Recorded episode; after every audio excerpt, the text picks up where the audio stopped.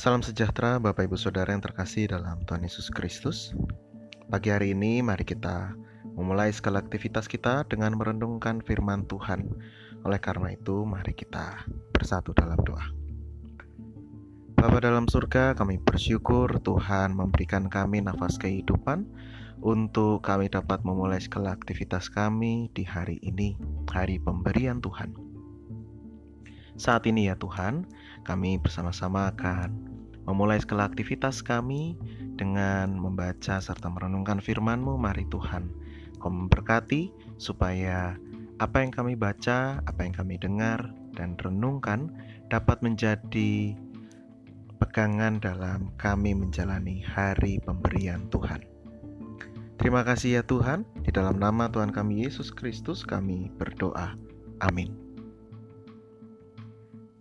Bapak Ibu Saudara yang terkasih dalam Tuhan Yesus Kristus, bersama-sama kita akan membaca firman Tuhan yang diambil dari 1 Samuel pasalnya yang ke-1 ayat 15 1 Samuel pasal 1 ayat 15 yang demikian. Tetapi Hana menjawab Bukan tuanku, aku seorang perempuan yang sangat bersusah hati. Anggur ataupun minuman yang memabukkan tidak kuminum, melainkan aku mencurahkan isi hatiku di hadapan Tuhan. Demikianlah firman Tuhan.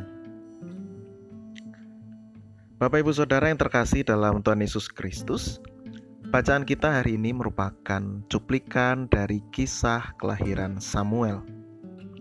Perikop 1 Samuel pasalnya yang pertama ini menceritakan bagaimana kisah hidup Hana yang dimadu dan tidak dapat mempunyai anak. Oleh karena itu Hana bersedih hati. Suatu kali Hana berdoa kepada Tuhan sambil menangis ia meminta supaya Tuhan menganugerahkan kepadanya anak laki-laki.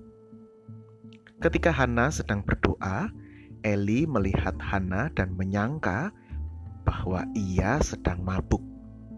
Lalu Eli menegurnya. Namun Hana menjawab bahwa ia sedang bersusah hati dan ia sedang mencurahkan isi hati kepada Tuhan.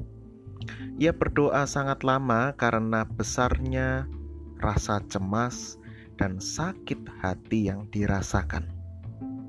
Lalu Eli menjawab, "Pergilah dengan selamat, dan Allah Israel akan memberikan kepadamu apa yang engkau minta daripadanya."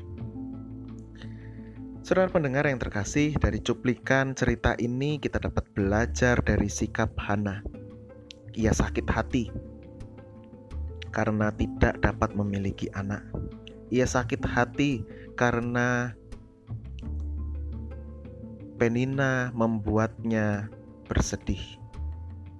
Ia dipandang sebelah mata, tetapi yang perlu digarisbawahi adalah ia tidak membalas.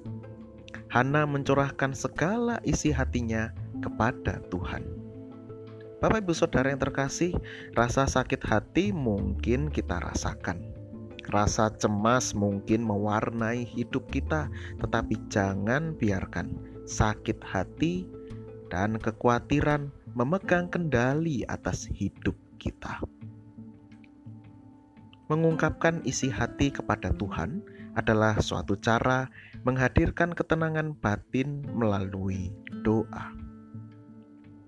Kita membiarkan Tuhan Allah masuk dalam hati kita berkuasa dan melepaskan kita dari amarah, rasa khawatir yang berlebihan, dan menyembuhkan hati kita dari segala sakit.